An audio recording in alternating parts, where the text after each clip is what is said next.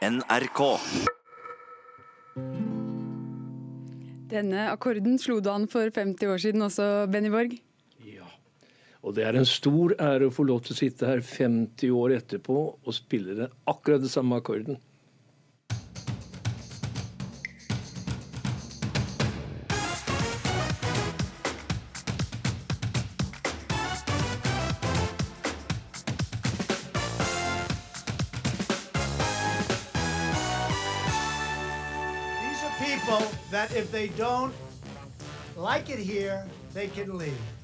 Skammelig, motbydelig og rasistisk. USAs president får knallhard kritikk for uttalelser om fire kvinner fra Demokratene. Uttalelsene er ikke nødvendigvis rasistiske, mener en norsk politiker som støtter Trump, og ber oss høre etter hva presidenten egentlig sier. Og for 50 år siden i dag satt Erik Tandberg og Benny Borg her på NRK Marienlyst og dekka verdensbegivenheten da det første mennesket satte sine bein på månen. Nå er de her igjen for å gjenskape det historiske øyeblikket. Og rekordmange flypassasjerer oppfører seg dårlig i ruspåvirka tilstand. På tide å innføre alkoholfrie flyvninger, mener organisasjonen. Nei, påfør oss flyskam og ta gjerne fra oss taxfree-kvota, men rør ikke den lille vinflaska på flyet, skriver VG-kommentator. Hei og velkommen til ukeslutt, hvor du også skal få høre om at vi trolig snart kan se en svart kvinne i rollen som den ikoniske agent 007 på filmlerretet. På tide, jubler skuespiller. Fortøvete, svarer James Bond-skribent. Og vi skal avsløre en godt bevart iskremhemmelighet. Ja, det som skjedde var at uh, en av de tre kontaktpinnene man hadde under landingsføttene, ga signal om at nå hadde de berørt månens overflate. Og da sa Aldrin 'contact lights'. Og kontrollsenteret bekreftet da at uh, 'we copy you down'. Og så sa, så sa kontrollsenteret da fortsatt Uh, we copy you down. We have a bunch of guys about to turn blue. We are breathing again. Thank you. Sånn hørtes det altså ut da du Erik Tamberg, på vegne av NRK siterte NASA under dekninga av månelandinga i 1969. Det er altså i dag 50 år siden omtrent 600 millioner mennesker verden over fulgte den historiske svart-hvitt-sendinga. Erik Tandberg, du er sivilingeniør og har i mange år vært tilknytta Norsk Romsenter. Og du dekka altså utskytninga og månelandinga eh, i NRK den gang, her på Marienlyst. Hva er det du husker best? Ja, det var jo selve landingen. Eh, starten var jo også dramatisk. For eh, denne Saturn 5-raketten, et monster av en rakett, 111 meter høy, og med en kolossal vekt og kolossalt drivstofforbruk, bortimot 14 tonn i sekundet, den ga jo fra seg både lyd og, og synsinntrykk som vi ikke opplever maken til i, i hverdagen. Så det var jo én ting. Så skulle de av gårde til månen og inn i kretsløp rundt månen, og så skulle de koble fra eh, månelanderen. Eh, altså fra kommando- og serviceseksjonen, hvor tredjemann, Collins, skulle oppholde seg hele, hele, tiden. Så begynte de da ferden ned mot månen. Det var jo spennende, men eh, spenningen kom jo først og fremst da de skulle begynne å se etter et brukbart landingsområde på selve månen. Og den eminente prøveflyveren Neil Armstrong han var jo ikke fornøyd før han falt et område som var helt flatt og, og, og brukbart. Og brukte mye tid og brukte en god del drivstoff. Og det jeg også husker ganske tydelig, det var at de fikk en del sånne alarmsignaler i landingsfasen. Altså lys som blinket i, i den trange cockpiten. Og det er allerede noe hyggelig ting å få i en så viktig fase. Men det at de sto på ganske vedvarende, gjorde at dataspesialistene nede på bakken var overbevist om at det var ikke kritisk, og ga signal om at ferden kunne fortsette. Og det gjorde den. Og under manuell kontroll av Neil Armstrong så satte han, og med stort drivstofforbruk, igel forsiktig ned på, på overflaten. Mm. Og vi har også med oss artist Benny Borg her i dag. Du var også med på månelandingssendinga og sang månesanger, og det skal vi høre litt mer om senere. Men hva er det du husker best? Ja, som 600 millioner andre så var det jo selvfølgelig selve landingsøyeblikket. Og når han satte foten på månen og sa disse berømte ordene. Men det som jeg også husker at jeg tenkte på, det var at eh, det var 1957. Så kom vi på skolen. Og da kom lærerinnen inn på første time og var ganske så litt høytidelig. Så sånn, jeg har noe meget viktig å fortelle dere. Og vi satt i sånn skolelys, som vi selvfølgelig var. Og da fortalte hun at den første satellitten hadde gått i bane rundt jorden. Og hvis jeg ikke tar feil, så var det i oktober. I 4. oktober, ja. 4. oktober, ja. og da satt vi der og tenkte jøss, hva er dette for noe? liksom. Tolv år før de ja, og faktisk landa på Hun var meget seriøs. Nå har du vært med om noe helt skjellsettende. Dette må du huske for resten av livet. Du sa det berømte sitatet. Vi skal høre her eh, det kanskje folk flest da husker. Det er jo dette berømte sitatet her.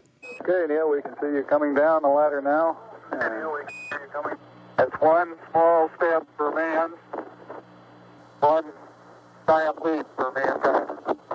Ja, som vi hørte, one small step for a man, eller man, litt uvisst. Uh, one giant leap for mankind, sa Neil Armstrong da han tok de første stegene på månen. Du har møtt Armstrong flere ganger, uh, Tandberg. Fortell om det. Ja, det har vært gode, veldig givende møter. I hvert fall to av dem under fire øyne. Eh, hvor jeg har lært en masse om personen. Og blitt veldig imponert over hans eh, karakter, hans eh, egenskaper. Dyktig prøveflyver. Og han ga seg i landingsøyeblikket ikke før han hadde funnet det stedet som tilfredsstilte hans krav.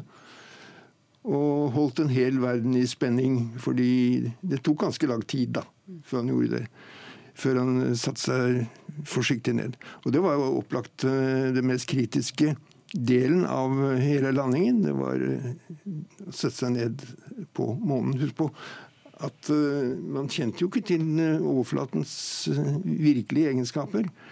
Og man, man skulle jo ta av også.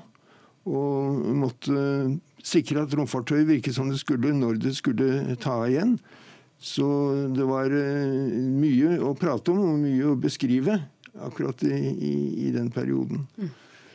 Litt senere i sendinga skal vi også få høre deg Benny Borg, synge 'Fly Me To The Moon', eh, akkurat som du gjorde den dagen for 50 år siden. Eh, det sies at dette ble et slags gjennombrudd i karrieren din?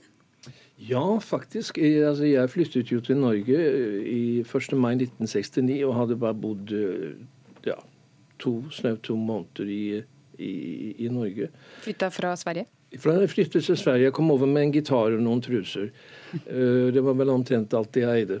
Så det var ikke helt sikkert at jeg skulle komme til å bli værende i Norge. Så når vi fikk dette tilbudet, da, Kirsti Sparbo og jeg, om å sitte og synge eh, månesanger, så så var det jo nesten sånn at jeg skled inn i norsk artistmiljø på et bananskall. Og jeg skriver fremdeles, tenker jeg. da skal du få lov til å skli bort til mikrofonstativet her, her, i studio. Nå skal vi altså få høre deg eh, synge den vakre låta 'Fly Me To The Moon'. Benny Borg i dag som for 50 år siden. Vær så god.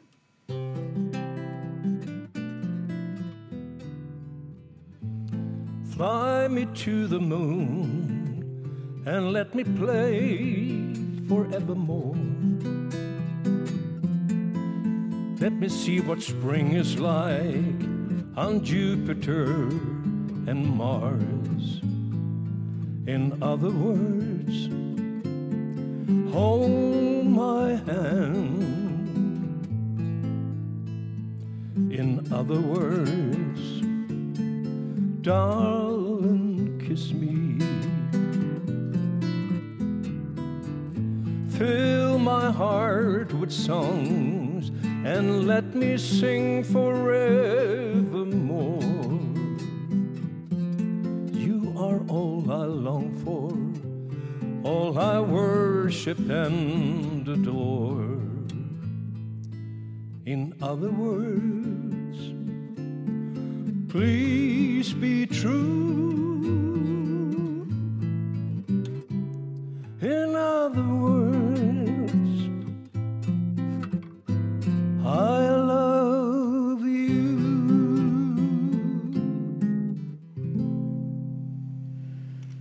Åh, Nydelig. Tusen takk, Benny Borg. Vi har også hatt besøk av Erik Tandberg. Du vifta med handa. Ville du si en siste kommentar? Ja, jeg, det var en knakende god melodi.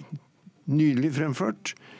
En veldig spesiell hendelse. Men eh, den har en mye dypere betydning også. At mennesket tok første skritt ut til et annet himmellegeme. Det var forbi et annet himmellegeme og gikk inn i bane rundt eh, månen med Apollo 8 i 68. Men så i 69 satte vi da for første gang foten på et annet himmellegeme. Og det er så store begivenheter når det skjer for første gang, at eh, det er det eh, jeg sliter litt med i dag for å få folk til å, å oppfatte. Og det skal du snakke mer om på Teknisk museum eh, senere i dag, hvor det skal være et eh, jubileum for eh, månelandinga. Og da kan man altså se dette på direkte-TV på nrk.no og eh, NRK2. Eh, Det skal vi høre mer om seinere i sendinga. Og i mellomtida kan man også gå inn på ytring.no og lese forfatter Frode Grytten sin eh, kronikk, der han mimrer tilbake til dagen Apollo 11 brakte de første, første menneskene til månen. Erik Tandberg og Benny Borg, tusen takk for at dere var med oss her i Ukeslutt. Det var bare hyggelig. My name is Bond. Bond. Bond. Bond. Bond. James Bond. You? My name is Pussy Galore. I must be dreaming.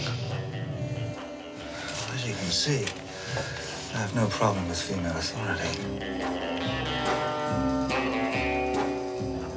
Vodka martini. Shaken, not stirred. Tell him James Bond is here. Now. For England, James?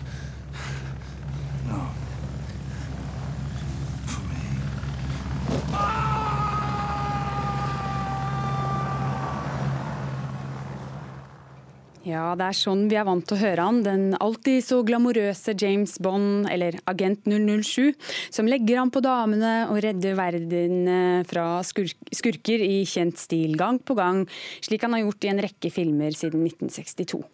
Men nå kan scener som dette høre fortida til, for den, denne uka har flere medier meldt at den ikoniske agenten trolig skal spilles av den svarte og kvinnelige skuespilleren Lashana Lynch i den neste James Bond-filmen. Flere Bonds-fan verden over ble både shaken og stirred da nyheten kom. Og Inger eh, Merete Hobbelstad, kommentator i Dagbladet. Hvorfor skaper nyheten om en svart kvinnelig agent 007 så mye oppstyr? Eh, Det tror jeg i hvert fall har to grunner. Det ene er at dette er jo en skikkelse som har eh, en veldig lang historie i popkulturen. Altså det er jo snakk om mange tiår. Det er en skikkelse som folk har et veldig sterkt forhold til, som har fulgt dem gjennom livet i mange tilfeller. Og når det gjøres eh, drastiske endringer i et slikt narrativ, så er det mange som, som vil synes det er veldig rart. Da, tenker jeg, som vil føle at, at noe som er en tradisjon for dem, blir endret til noe helt annet. Men kanskje viktigere akkurat i dette tilfellet er jo at dette blir jo en debatt som går inn i det man kan kalle en slags pågående kulturkrig. da om populærkulturen, altså hvor det på den ene side er mange som presser på for å få større mangfold inn i popkulturen. Eh, få flere kvinner, flere personer med minoritetsbakgrunn, flere homofile eh, eh, rollepersoner. Og få dette til å prege også de store popkulturelle narrativene. Og så er det på den andre siden de som opplever at dette er en sånn politisk korrekt tvangstrøye. At dette er på en måte at historien er ikke verdt noe lenger hvis ikke det er bestemte grupper som, som får hovedrollene. Eh, og begge disse eh, synspunktene fremføres ganske pasjonert, for å si det sånn. Eh, og det er jo litt av grunnen til at det blir slik debatt som vi ser nå. Ja, for I en kommentar i Dagbladet så skriver du da at rollen James Bond kunne vært spilt av en svart skuespiller, men at det ikke ville fungert dersom han ble homofil eller kvinnelig. Du var litt innpå det, men hvorfor ikke det? Vel, altså, Litt av grunnen til at jeg nevner de tre eksemplene, da, er jo at det har vært en del av debatten om James Bond de siste årene. Det har vært forslag om at han burde bli kvinne. altså Den såkalte Jane, Jane Bond var en, sånn, en skikkelse som mange ropte etter en periode. Det har vært snakk om at han burde, burde bli en skeiv James Bond, at det burde bli en svart James Bond. Det var lenge snakk om at den britiske skuespilleren Idris Elba, som er en svart mann, var aktuell for rollen. Og jeg har jo prøvd å innta et ståsted her som går mer ut på å se hva er gode måter å oppdatere en skikkelse på, og hva er ikke det? da? Altså, Hva er det som gjør at Eh, altså, Hva er det som vil være i tråd med personligheten slik vi kjenner den, og hva er det som vil være en litt for stor omveltning? Og jeg tenker at James Bonds kjerneegenskaper er jo at han er mannlig og heterofil.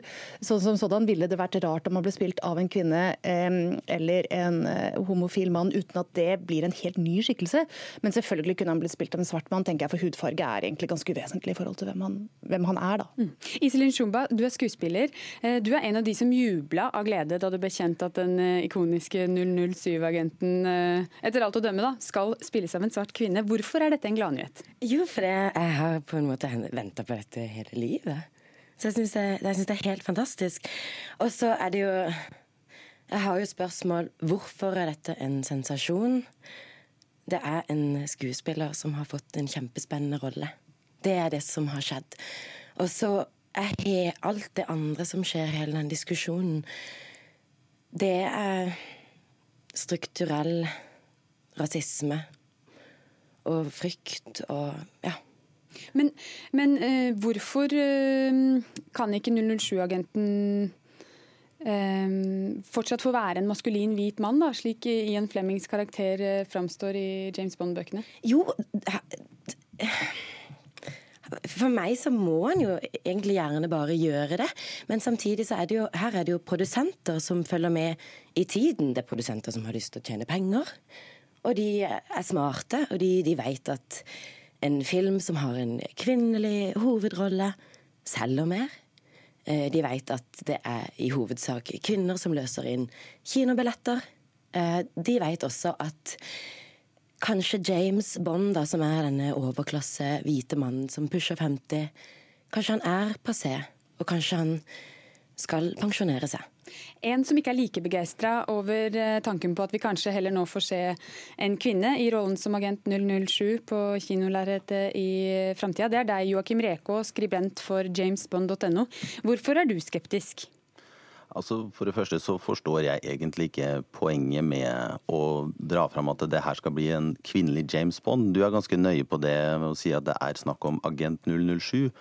Og det for ingenting er bekrefta fra offisielt hold av filmskaperne sjøl. Så det her er nok eh, bare Jeg håper det er storm i et vannglass. Det er nok snakk om at Lashana Lynches karakter Nomi da skal eh, ha agentnummeret 007. For James Bond er ikke lenger i aktiv tjeneste. Han nyter livets glade dager på Jamaica med da Madeline Swan, som han da ble sammen med i Spectre, forrige film. Men hvorfor er du skeptisk til at det kan være en kvinne i rollen som agent 007? Nei, altså, Jeg er veldig for å få fram eh, kvinner og mørke og uh, skeive eller eh, transpersoner på lerretet. Det har jeg ingenting imot. Men å bruke en veletablert karakter som James Bond til å gjøre det her sånn, det tenker jeg er Det er liksom ikke noe poeng. Han er en såpass godt kjent karakter. Det har fungert i nærmere 60 år snart. Og inntektene er ingenting å si noe på. For altså da serien fylte 50 år i 2012, da Skyfall kom, så ble jo den første filmen til å bryte milliardinntektsgrensa nådd. Så det at det skal ha noe å si for inntektene, det tenker jeg ikke. Men at der, man kanskje da kan opprette en spin-off filmserie eller TV-serie eller hva som helst med, med f.eks. en mørkhuda kvinnelig 00-agent. Det kan være 001, 008 eller hva som helst. Det har jeg ingenting imot. Det hadde bare vært spennende. Shumba, du skal få kommentere det. Eh, ja, jeg skjønner, men det er jo det, det, er det som er fantastisk, da. Når disse eh, politiske skal vi si, Den politiske virkeligheten kommer inn i det mest populære av populærkulturen. Det er jo da det er snakk om at verden beveger seg i den riktige retninga. Og så tenker jeg at det er jo så Jeg vet ikke hvor mange filmer det er. 60 år. Det er så ekstremt mange filmer. Man kan jo se på de. Og jeg tenker at ok, for å, for, jeg tenker at denne filmen som kommer nå, kommer til å sprenge alle inntektsgrenser. Eh, Hobbelstad, eh, hva tenker du? Altså, har Bond-universet godt av en, eh, litt av oppdatering? Eh, jeg har tenkt at det har godt, hatt godt av en oppdatering. Jeg er ikke sikker på om dette er et grep som nødvendigvis kommer til å oppdatere det. Altså, det er klart Du kan lage en gammelmodig film med minoritetspersoner i hovedrollen. Du kan lage en moderne film med, med hvite personer i, i, i hovedrollen. Eh, men altså jeg tror for det første at dette kan komme til å bli veldig bra. Lashana Lynch var, Vi har sett henne i Captain Marvel tidligere i år, hun var kjempebra. Fantastisk. Phoebe Waller-Bridge, som har laget Fleabag, er hyret inn for å bistå på manussiden. Så det kan godt hende at det kommer en veldig flott film ut av dette her. Det jeg har litt problem med, er at dette er ikke på en måte bare snakk om å eh, å få inn en svart kvinnelig agent. Det er snakk om en slags overtagelse. Ikke sant? Hun overtar det å være aktiv tjeneste, hun overtar agentnummeret.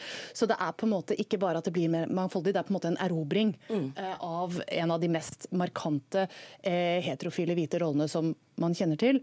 Og jeg tenker på en måte at Det er en litt farlig antydning der om at det maskuline det heterofile i seg selv er uinteressant nå. At det er ikke så interessant lenger.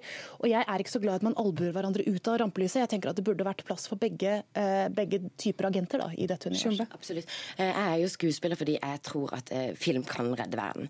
Og tenker jeg da, Tenk på små jenter og små gutter som nå ser denne kvinnelige agenten og vokser opp med det. Og så blir de selvfølgelig fortalt at før så var James Bond en mann.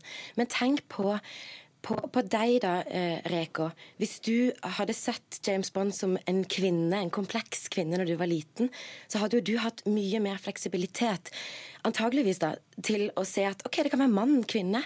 Det, det, det har kanskje ikke så mye å si. At man sprenger disse kategoriene. Um, jeg tror at det kan gjøre så mye med kommende generasjon på en helt fantastisk måte. Ja, Reko, du skal få kommentere det. Kan ikke James Bond-karakteren forandre seg litt i takt med samtiden?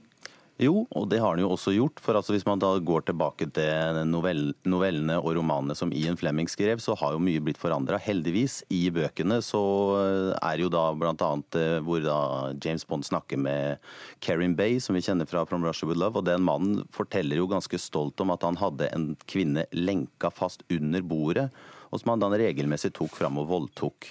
Og det, det, hever ikke James Bond øyenbryna for engang. Og heldigvis har det kommet ganske langt fra filmene på 60-tallet òg. Sean Connery eh, eh, blir jo eh, nærmest torturert til døde på en sånn en strekkemaskin i Thunderball. Og så kommer jo da en av disse kvinnelige pleierne inn og får avverga det hele. Og hun er jo redd for jobben sin, for hun skal jo egentlig passe på James Bond. Men... Og hun ber jo om at han ikke skal si noe til de overordna. Eh, ganske tørrvittig. På den tida så sier jo James Bond Well, I suppose my silence could have a price. Og da ligger jo han selvsagt med henne etterpå. Og der er ikke serien nå lenger. Nei, men jeg tror ikke vi skal ta full eh, recap av uh, filmene. Men, men hva, hvordan ville du reagert hvis det faktisk nå blir en kvinne som blir agent 007? Altså Hvis det slår an og kinopublikummet vil ha det, da, da, tar jeg, da, tar jeg, bare feil. Og så får jeg kose meg med de filmene jeg har hatt glede av i mange år nå. Og det, det, kan jeg akseptere, men eh, jeg tror ikke filmskaperne kommer til å ta det grepet. Min hypotese er at, eh, som jeg sa, han er ikke lenger aktiv tjeneste James Bond, og så overtar eh, Nomi da hans agentnummer. Inntil hun kanskje blir drept eller kidnappa, og så må James Bond komme og redde dagen. Og så overtar han tilbake agentnummeret i aktiv tjeneste. Kanskje de gjør en morsom vri ut av det med at begge agentene Eh, lever, og de skal inn på M's kontor, og han sier 'come in 007', og så står begge to der, og så blir det en litt artig scene. Hva vet jeg? Vi er dessverre nødt til å runde av der. Tusen takk for at dere kom, Inger Merete Hobbelstad, Iselin Shumba, og takk til deg også med oss fra Fredrikstad, Joakim Rekå. Jernbaneforkjempere i nord mener det er på tide å samle hele Norge, til tross for at en jernbane til Tromsø kan koste 120 milliarder kroner. Forkjemperne har trua på at en jernbane vil komme etter hvert. Kanskje for første gang så kan du liksom lukte, hvis du kjenner etter i Nord-Norge, at folk forstår at den banen kommer til å komme. Er du klar over at iskremen du kjøper på butikken kan inneholde rundt 50% luft? Det må isprodusentene opplyse om, mener matskribent som møter Henning Olsen til debatt. På tide å innføre alkoholfrie flygninger, mener organisasjonen. Nei, påfør oss flyskam og ta fra oss taxfree-kvota, men rør ikke den lille vinflaska på flyet, svarer VG-kommentator. Det er nok ingen overraskelse at iskremen du spiser i sommer kan inneholde både sukker, fløte og melk, men du skal ikke se bort ifra at iskremen du kjøper på butikken også kan inneholde en eh, god del luft. Nå er det på tide at norske iskremprodusenter begynner å opplyse kundene om hvor mye luft de faktisk tilsetter i iskremen de lager. Det mener du, Siri Helle, matspaltist i Dag og Tid. Du har også skrevet bok om såkalt matjuks. Hvorfor bør iskremprodusentene opplyse om luftinnholdet i kremen? Iskremen. Jeg, mener, jeg mener jo at eh, forbrukere har rett til å vite mest mulig om hva som er i maten de kjøper, og ikke minst hva som ligger bak at den koster det den koster. Eh, for når man kan ha to iskremer i butikken som de kan se ut som de er helt like, innholdslistene er helt like. Eh, den ene koster 30 kroner, den andre koster kanskje 60. Så kan man, kan man lure på hvorfor skal jeg kjøpe den til 60, er ikke den altfor dyr?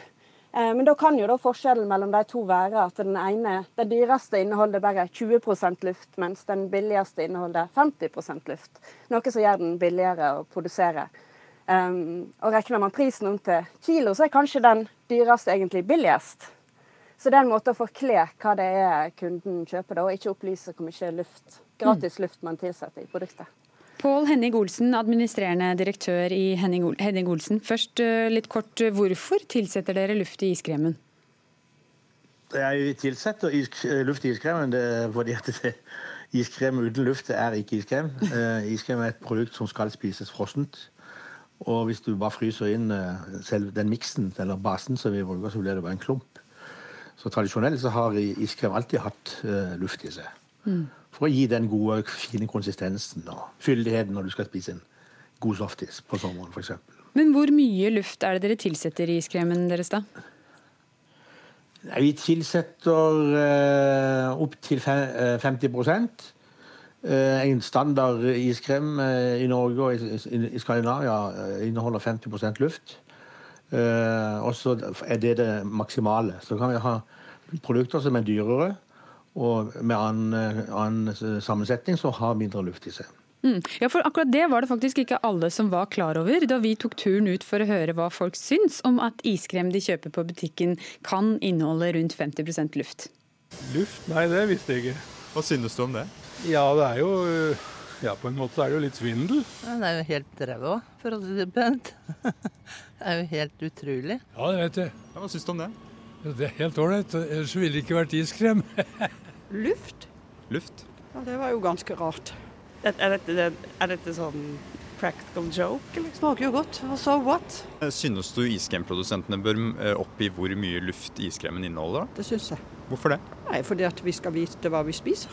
Å herregud, skal jeg merke, jeg liksom oppgi hvor mye luft jeg har i magen nå, da?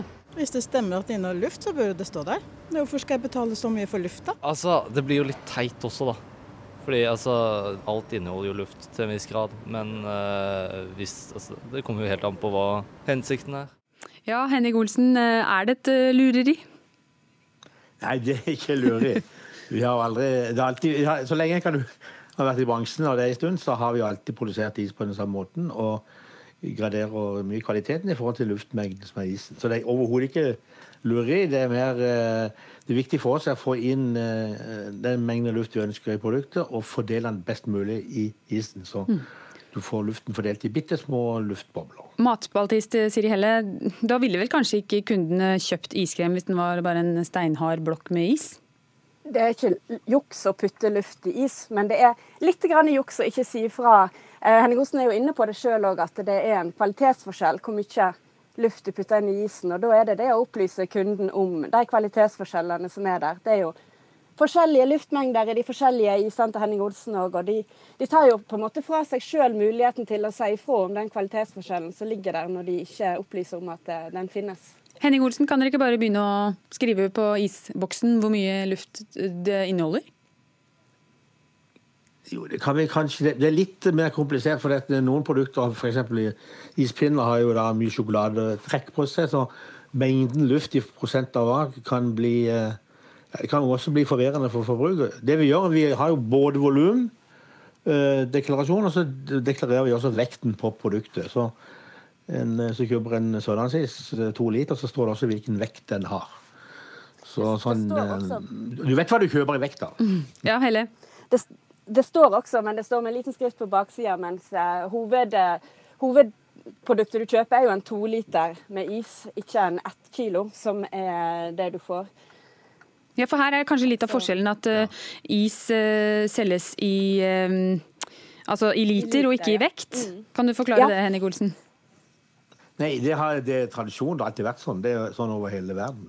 Mm. At, uh, ikke over hele verden. Det er noen steder i, man begynte å deklarere med kilo i noen land, men stort sett så går det i liter, i mm. volum. Og det henger sammen med at iskrem egentlig er et veldig, det er flytende produkt. veldig høy viskositet som er frøst inn. Helle, helt til slutt. Det, ja. det, er flere. Yoghurt er òg et flytende produkt, men det blir solgt i eh, kilo fordi at det er den, eh, det er den eh, retteste måten å si hva, hva produktet inneholder på. Men helt kort til slutt, Siri Helle. Folk får jo kanskje da i seg færre kalorier, da? Er ikke det egentlig kanskje bra for folkehelsa? Det er jo den positive sida av det på en måte, at du, du eter sannsynligvis mindre is enn du tror. Eh, på en annen måte så kan man jo tenke at man gir folk mer dårlig samvittighet enn de egentlig hadde trengt. Det er jo ikke like positivt. Da sier vi takk til dere, Siri Helle, matspaltist i Dag og Tid, og til deg, Pål Henning Olsen, administrerende direktør i Henning Olsen.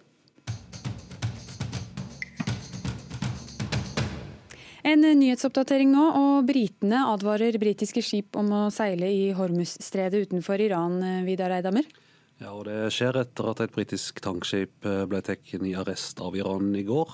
Skipet Stena Impero har et mannskap på 23 og er svensk eid. Iran gjorde ifølge eksperter dette fordi et iransk tankskip er tatt i arrest på Gibraltar. Den britiske utenriksministeren Jeremy Hunt sier det kan få svært alvorlige konsekvenser om ikke situasjonen snart løser seg. Regjeringa advarer altså samtidig britiske skip om å seile inn i området.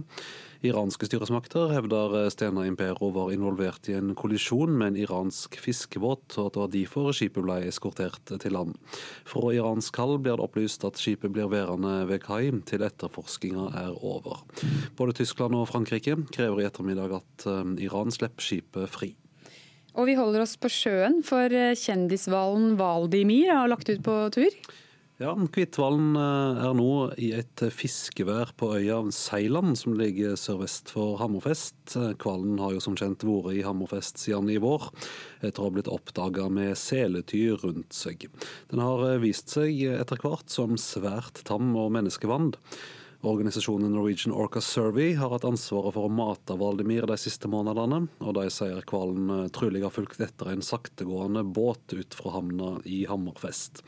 Rikard Karoliussen i gruppa sier Valdimir eh, ikke er god på å finne mat sjøl, og heller ikke god til å navigere på åpent hav, så de vil nå freiste å hente han eh, tilbake til den trygge havna i Hammerfest. Pleier du å legge merke til plater eller minnetavler på bakken når du går rundt i byen? I Stavanger mener nemlig muslimer at deres profet tråkkes på. Reporter Otto Voldsund, du står eh, ute i ruskeværet på Fisketorget i Stavanger, der plata på bakken ligger. Er det mange som tråkker på den nå, eller? Nei, ikke akkurat nå. Jeg har faktisk sett en eneste en siden jeg kom hit. Men som du sier, så eh, er det litt regn i lufta, og jeg så et vått fotspor iallfall. Så jeg har bevis på at noen har eh, tråkka på det i dag.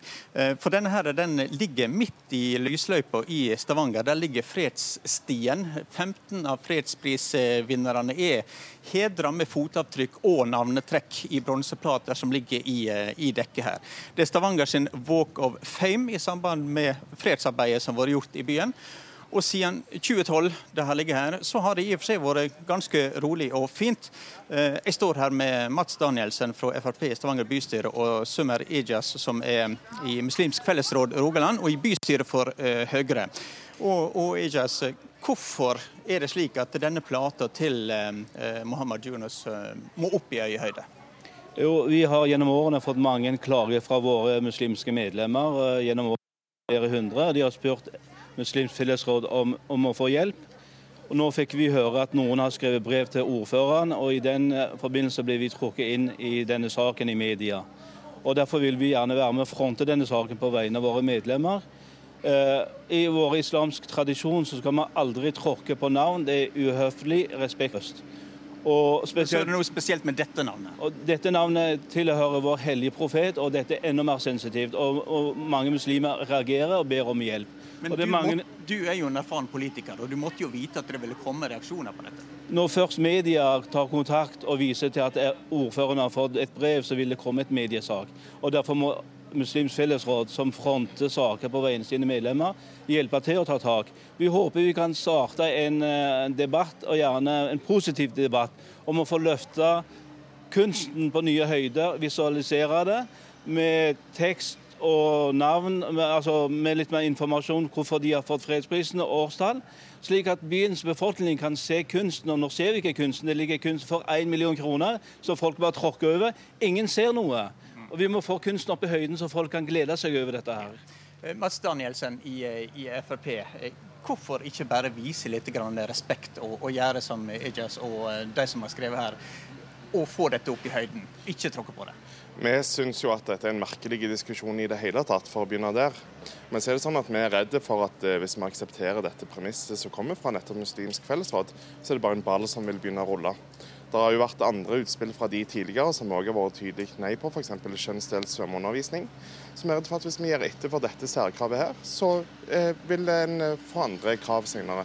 Men så er det jo slik at eh, en litt mer berømt Walk of Fame i eh, Hollywood i Los Angeles, så har de fått Mohammed Ali sin plate opp på veggen. Hvorfor går dette an i Los Angeles ikke i Stavanger? Ja, Det kan en jo si, men her er det jo kunstnere som har tenkt at sånn som dette skal det være, og det syns vi er bra. Og så er det jo I Stavanger har vi 14 såkalte snublesteiner over jøder som ble deportert til Auschwitz eh, fra Stavanger. Dette er òg en kunstinstallasjon som er meninga skal ligge på bakken, med navn som jeg aldri har hørt Muslimsk fellesråd reagere på før. Vi hører at eh, debatten går her, og det blir mer debatt. Sannsynligvis blir dette en sak i bystyret i Stavanger om bronseplater til eh, Mohammed Yunus skal fjernes fra gatenivå og opp i øyhøyde på en vegg. Tusen takk til deg, reporter Otto Voldsund eh, direkte med oss fra Stavanger, og takk til dere Mats Danielsen og Summer Eyas. Vi skal til USA her i ukeslutt. Der har den amerikanske presidenten skapt rabalder med en rekke uttalelser denne uka. And all I'm saying that if they're not happy here, they can leave. They can leave, and you know what? I'm I'm sure that there'll be many people that won't miss them. But they have to love they have to love our country. They're Congress people. These are people that if they don't like it here, they can leave. Med bl.a. disse ordene har altså Donald Trump fått amerikansk politikk til å koke. Det starta med en twittermelding der han omtalte fire kvinner med minoritetsbakgrunn fra Demokratene, og ba dem ganske enkelt dra tilbake dit de kom fra. Det til tross for at alle de fire er amerikanske statsborgere, og tre av dem er født i USA. Nå kalles han rasist, og uttalelsene fordømmes av demokratene, flere republikanere og den britiske statsministeren. Flere mener at den slags språkbruk ikke er en president verdig. Thomas Moltu, første nestleder i partiet De kristne. Du støtter Trump og lar deg ikke hisse opp av disse uttalelsene. Hvorfor ikke? Eh, Nei, jeg lar meg ikke hisse opp av disse uttalelsene, eh, og det er ikke rasisme. Eh, Ikke på noe punkt så henviser Donald Trump til hudfarge. Han konkluderer bare med at hvis ikke de liker seg i USA, så kan de dra. Eh, Og det er en frihet som du har i USA, eh, og som vi bør ha. Det er å kunne få lov å forlate det landet som vi bor i, hvis ikke vi trives her. Så, eh, men, men det er klart at demokratene spiller på et narrativ. De ønsker å skape misnøye, og, og det har de gjort lenge. De ønsker å skape en opposisjon, eh, og bruker da dette rasismekortet for å bygge opp under et hat mot republikanerne og mot Donald Trump. Mm. Trump sier jo selv at han eh, ikke har et rasistisk bein i kroppen. Får han eh, mye ufortjent kritikk? Ja, altså I norske medier så er det jo helt tydelig at man leter med lys og lykte etter å finne noe ufordelaktig å si om Donald Trump. Og vi ser jo en selvgodhet her på berget, både hos politikere, men òg hos pressen, eh, som er ganske altså Man ser på seg sjøl som moralsk høyverdig eh, overfor eh, amerikanere, eller republikanere, og Donald Trump spesielt. Så ja, det er ingen tvil om at han får uf uforholdsmessig mye kritikk. Mm. Vi har også med oss her Hans Olav, eh, Hans Olav Lahlum, eh, forfatter og historiker med særlig greie på amerikanske presidenter. Vi kan jo også si at du er medlem av SV, men eh, nå er du her som historiker og USA-kommentator. Flere mener at en president ikke skal snakke sånn her, og alt fra demokrater til den britiske statsministeren og nå også noen republikanere fordømmer uttalelsene. Hvor sjokkerende vil du si det er at Trump sier dette? Det har jo vært veldig stor oppstandelse og veldig mange negative reaksjoner i USA. Så går det jo inn i et langt mønster. Hvis man går tilbake og tenker på eh, perioden før han ble president, og den, så var jo en av de tingene han først markerte seg på, var jo denne anklagen om at den forrige presidenten, Barack Obama, ikke var eh, født i eh, USA. Anklagen rundt det. Så dette er jo noe han har eh, drevet med lenge, å trekke opp et skille mellom også dem, også mellom amerikanske statsborgere, også da mellom politikere i USA. Så er jeg for så vidt litt enig med Moltu eh, i, i noe av det underliggende her. på en måte at Jeg tror det er lurt å tenke over det, at eh, det politiske sentrum og hele den politiske skalaen på sett og vis står jo eh, klart til høyre eh, i USA sammenlignet med Norge. og Det er klart at det er absolutt verdt å være oppmerksom på den faren. At man da i Norge, både fra media og andre, er mer kritisk til, til politikere som da kommer fra den amerikanske høyresiden de står eh, lenger unna politisk for flertallet av eh, folk og journalister i Norge. Og det er klart det er en eh, fare for det. Men jeg syns ikke det treffer så veldig godt i tilfellet Donald Trump. For der synes jeg ikke at hovedproblemet er at uttalelsen hans blir misforstått. Hovedproblemet er hva han sier. Men er det så forskjellig det han sier? Pusher han grensene så mye mer enn tidligere presidenter? Det vil jeg absolutt si. Eh, altså På dette området så har det faktisk vært ganske stor altså det, det, er mange ting man har vært veldig uenige om i USA, men på dette punktet så syns jeg faktisk at du ser et veldig klart forskjell på han og tidligere presidenter også på republikansk eh, side i USA. To områder som henger litt sammen her. Eh, det ene er jo dette med eh, hvordan han snakker om, eh, om, deler av befolkningen, innvandrere eh, og, og folk med bakgrunn fra andre land. Det er veldig spesielt. og det andre er jo rett og slett omfanget av usannheter her. Der har jo nesten lyst til å spørre Moltu hva han eh, tenker om det. Det er jo det åttende bud at du skal ikke tale usant om de neste. Nå er vel listene kommet opp på sånn 10 000 tilfeller hvor Donald Trump har eh, sagt usannheter i løpet av sin presidentperiode. Jeg lurer litt på om Moltu ikke er foruroliget over det? Altså, Jeg har oppdaget at politikere lyger, eh, og måten de lyger på er ofte at du ser at de beveger leppene. Men eh, du ser at det første som Donald Trump leverer på, eh, det er at han flytter den amerikanske ambassaden til Jerusalem. Noe som Obama, Clinton og Bush lovet at de ville gjøre, men de løy for sine velgere. Det er en åpenbar løgn, og vi ser at han eh, legger sin ære i å levere på det han eh, har lovet i valgkampen, og det han lover. Eh, at det er usannheter, det er det selvfølgelig. Og jeg har ingen interesse av å forsvare, forsvare noen usannheter som kommer fra noen politikere. Men, nå... Men, Donald Trump er en realpolitiker, eh, og han leverer på det han har lovet. Og han leverer i overkant av det han har lovet. Mye mer enn oss, tidligere. Nå holder vi oss til dette sitatet, eller disse siste kommentarene nå. Altså, eh, hvis ikke de liker seg her, så kan de dra. Molte, du mener at det, det er ikke rasistisk å si det? Nei, det er ikke rasistisk. Om det er uhøflig, det kan godt hende. Men det er ikke rasistisk. Og vi har bygget opp et narrativ som sier at hvis du er eh, farget, så skal du føle deg krenket. Du er et offer, eh, og du skal være avhengig av at eh, sosialistene taler din sak. Nå viser jo også tall at republikanerne og altså republikanske velgere de slutter opp om han etter det her. Støtten øker faktisk. Hva er det de ser og hører som ikke kritikerne gjør? Altså, Det er faktisk en del eh, fargede amerikanere som begynner å ta til eh, motmæle og begynner å fremme Donald Trump. Den fremste for tiden er vel Candace Owens, som leverer et kraftfullt angrep på demokratene og sier at eh, demokratene bruker rasismekortet for å skape hat mot Donald Trump og for å vinne støtte. Demokratene i USA er i en total krise. Eh, de kan finne på å revne Eh, og, de kan eh, være, bli satt tilbake mange, mange år. Og Donald Trump får økt støtte fordi han leverer på arbeidsledighet, god økonomi, eh, økt minstelønn. Og, og afroamerikanere og fargede amerikanere i USA ser at de får det bedre under Donald Trump. Ja, nå ligger jo ikke Trump så veldig høyt i historisk parti. Riktignok sa han jo nettopp at han lå høyere enn de tidligere republikanske presidentene hadde gjort, men det var jo også feil. Eh, sånn at eh, Han ligger jo ikke spesielt høyt, men jeg, men jeg er enig i at han, han, har en reell sjanse til å bli gjenvalgt. Og han har, eh, det er jeg enig med Moltui, han har til dels levert på det han lovte i forhold til kjernevelgerne sine. På mange områder levert godt der. Og så er det et veldig polarisert USA. Og jeg skal med en gang si at jeg tilhører ikke de som mener at det var Donald Trump som så å si skapte polariseringen. Den var der lenge før han kom. Og det var en vesentlig del av grunnen grunnen til at han ble valgt til eh, president i et veldig sterkt delt USA. Men eh, man ser samtidig nå at den polariseringen blir enda sterkere, og det kommer vi til å se veldig sterkt fram mot valgkampen. Så Det ene er jo det elementet Molto var inne på her, med at det er klart hvis man er misfornøyd med situasjonen i et land, så har man jo alltid en rett til å reise derfra. Men poenget her var jo også at han snakket om å reise tilbake, og da sier på den måten at man ikke oppfatter de som fullverdige amerikanere, at et annet land de egentlig kommer fra. Og Det er jo det som veldig mange har reagert på her, og vinklingen på det. Mm.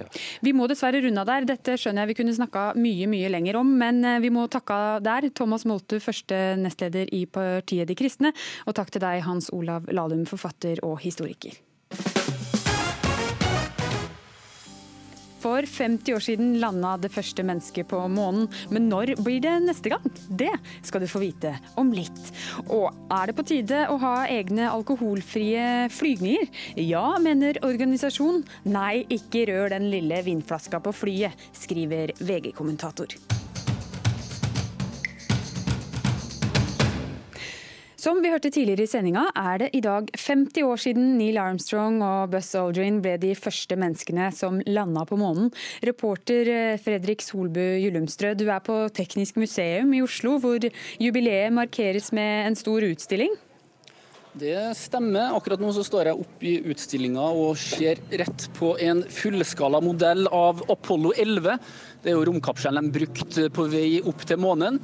Eh, Teknisk museum har også satt opp NRK-studioet som ble brukt i 1969, der Erik Tandberg satt i 14-15 timer og snakka om denne månelandinga. Akkurat nå så står jeg og ser på landingsfartøyet The Eagle, og det er masse folk. Her har de muligheten til å prøve simulator av å lande på månen, og også eh, det å trene seg opp da, for å eh, være best nok mulig rusta til å komme på eh, månen. Og Jeg står også sammen med Marianne Vinje Tantillo. Hun er fagsjef for bemanna romfart og utforskning i, på Norsk Romsenter. I 1969 så var det jo et romkappløp mellom USA og Sovjetunionen om å ta over verdensrommet, men i dag så er det flere aktører. Det stemmer det. Ehm, hele verdenssamfunnet vil jo tilbake til månen, eh, og i ledelsen er NASA. Eh, men samtidig har vi kommersielle aktører. Eh, SpaceX, som ledes av Elon Musk, det er han som eier gründeren bak bak Tesla. Eh, og han som eier hele Amazon, han heter Jeff Bezos, de også ønsker å komme seg tilbake til månen.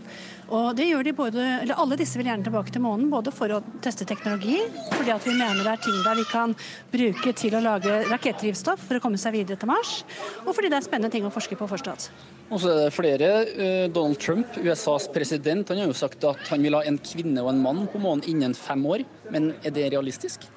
Vet du hva, Teknologisk sett så er det det. Ehm, det gjelder å ha nok penger til å få utvikla ferdigteknologien for raketten de vil bruke, som heter SLS. Den er ikke helt ferdig. Eh, og der, eh, De har ikke landa den helt ferdig ennå, og litt sånn. Men så lenge de får nok penger til det, så får de det til. Og så vil vi jo enda lenger bort enn månen. Vi vil jo til Mars. Eh, er det mulig? Det er mulig. Ehm, vi har eh, for så vidt rakettene vi trenger for å reise til Mars, men i dag har vi ikke den teknologien vi tenker skal til for å skjerme mennesker, sånn at ikke de får for mye stråling. Så vi må forstå mer om strålingen på reisen til Mars før vi kan reise dit. Og det er jo en av grunnene til å reise til månen og, forske på stråling. Men øh, kan Norge være med på denne leken her, tror du? Absolutt. Eh, Norge er med i den europeiske romorganisasjonen ESA. Eh, og i år så bestemmer alle ministrene i ESA eh, seg for hva Europa skal være med på framover. Og da kan Norge bestemme at jo, vi har lyst til å være med når Europa og NASA sammen reiser til månen og Mars framover. Det, det, kan vi også være med på.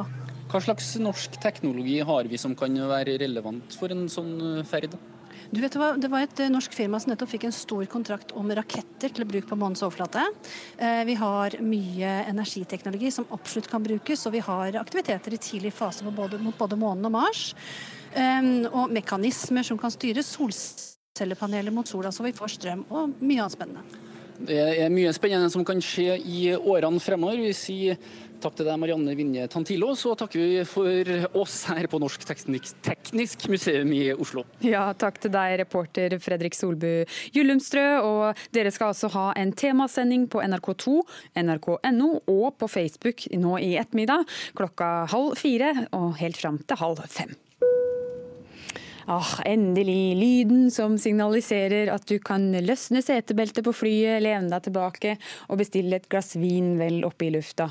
Men ikke alle er like begeistra for alkoholserveringa på flyet. Nylig skrev Dagsavisen at det går i år mot rekord i antall flypassasjerer som er såkalt uregjerlige fordi de har vært berusa, ifølge tall fra Luftfartstilsynet.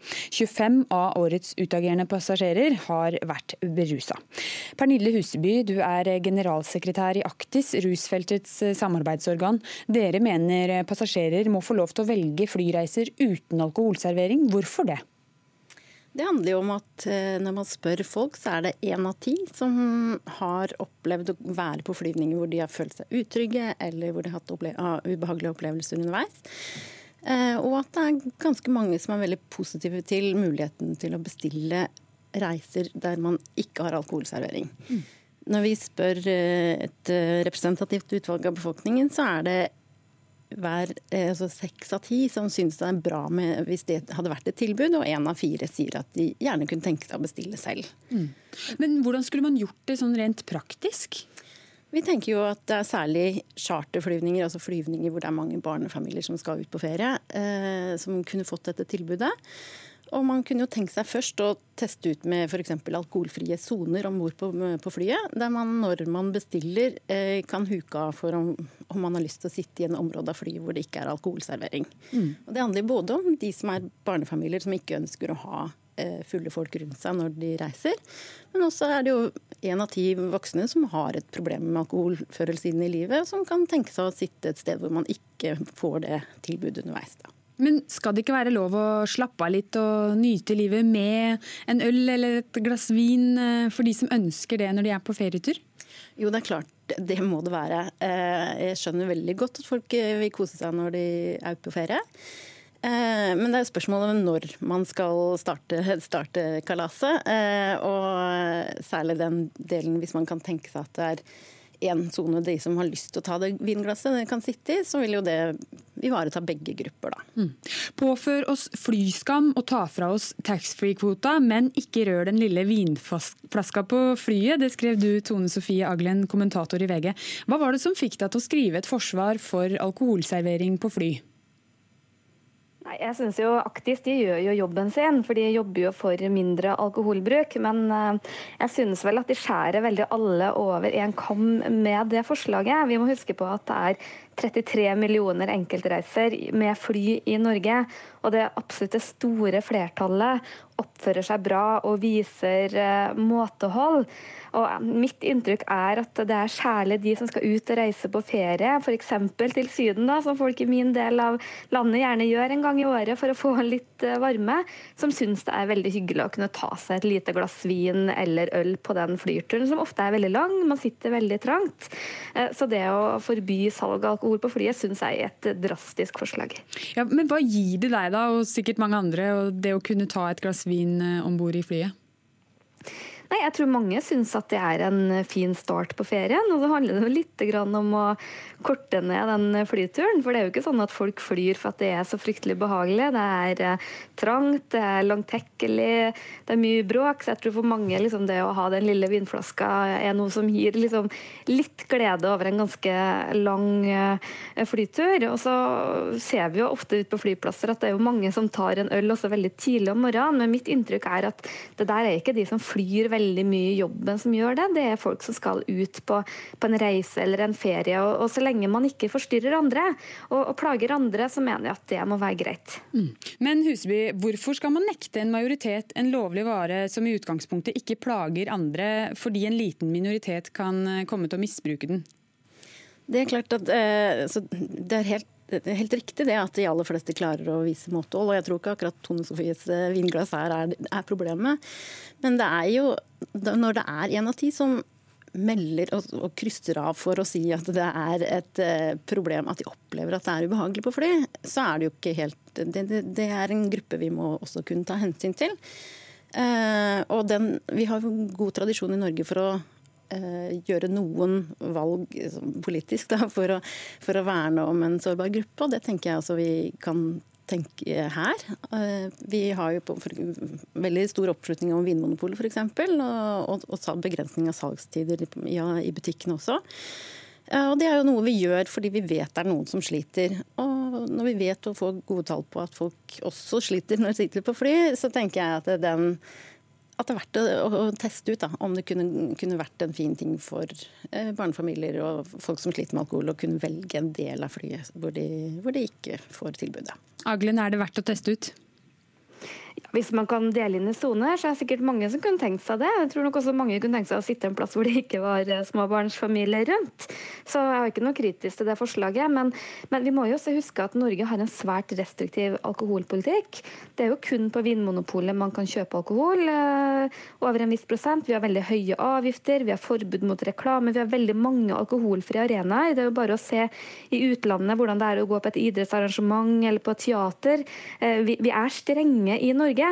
Og så tenker jeg at Det må være en balanse. For, for, også for mange så er det med alkohol og det å kunne ta seg et glass vin en, også en hyggelig del av livet. Og Jeg opplever at vi har en, en god balanse i Norge i dag. Så jeg tenker at vi ikke skal gå for langt med å ta fra folk eh, de små sonene som er f.eks. det å kunne kjøpe seg et glass vin på flyet. Mm. Huseby, eh, nå har jo Dagsavisen spurt både Norwegian og SAS og, eh, om det da kan være aktuelt for dem med alkoholfrie, alkoholfrie flyvninger. Det er det ikke. Er det noe som helst realisme i å kjempe for mindre alkohol på flya? Det er dessverre sånn at eh, det er litt sånn bukken og havresekken her. Både flyselskapene og Avinor tjener ganske mye penger på å selge alkohol, enten det er på taxfree eller på flyene. Så uh, her tenker jeg at det er forbrukerne som må melde, melde behovet sitt ganske tydelig. Uh, fordi det er ikke noe drahjelp å få fra dem som tjener penger på dette her. Mm. Så, men vi vet jo at det er eh, av tre altså Hver tredje time så er det et fly i Europa som, som eh, har problemer pga. fulle folk.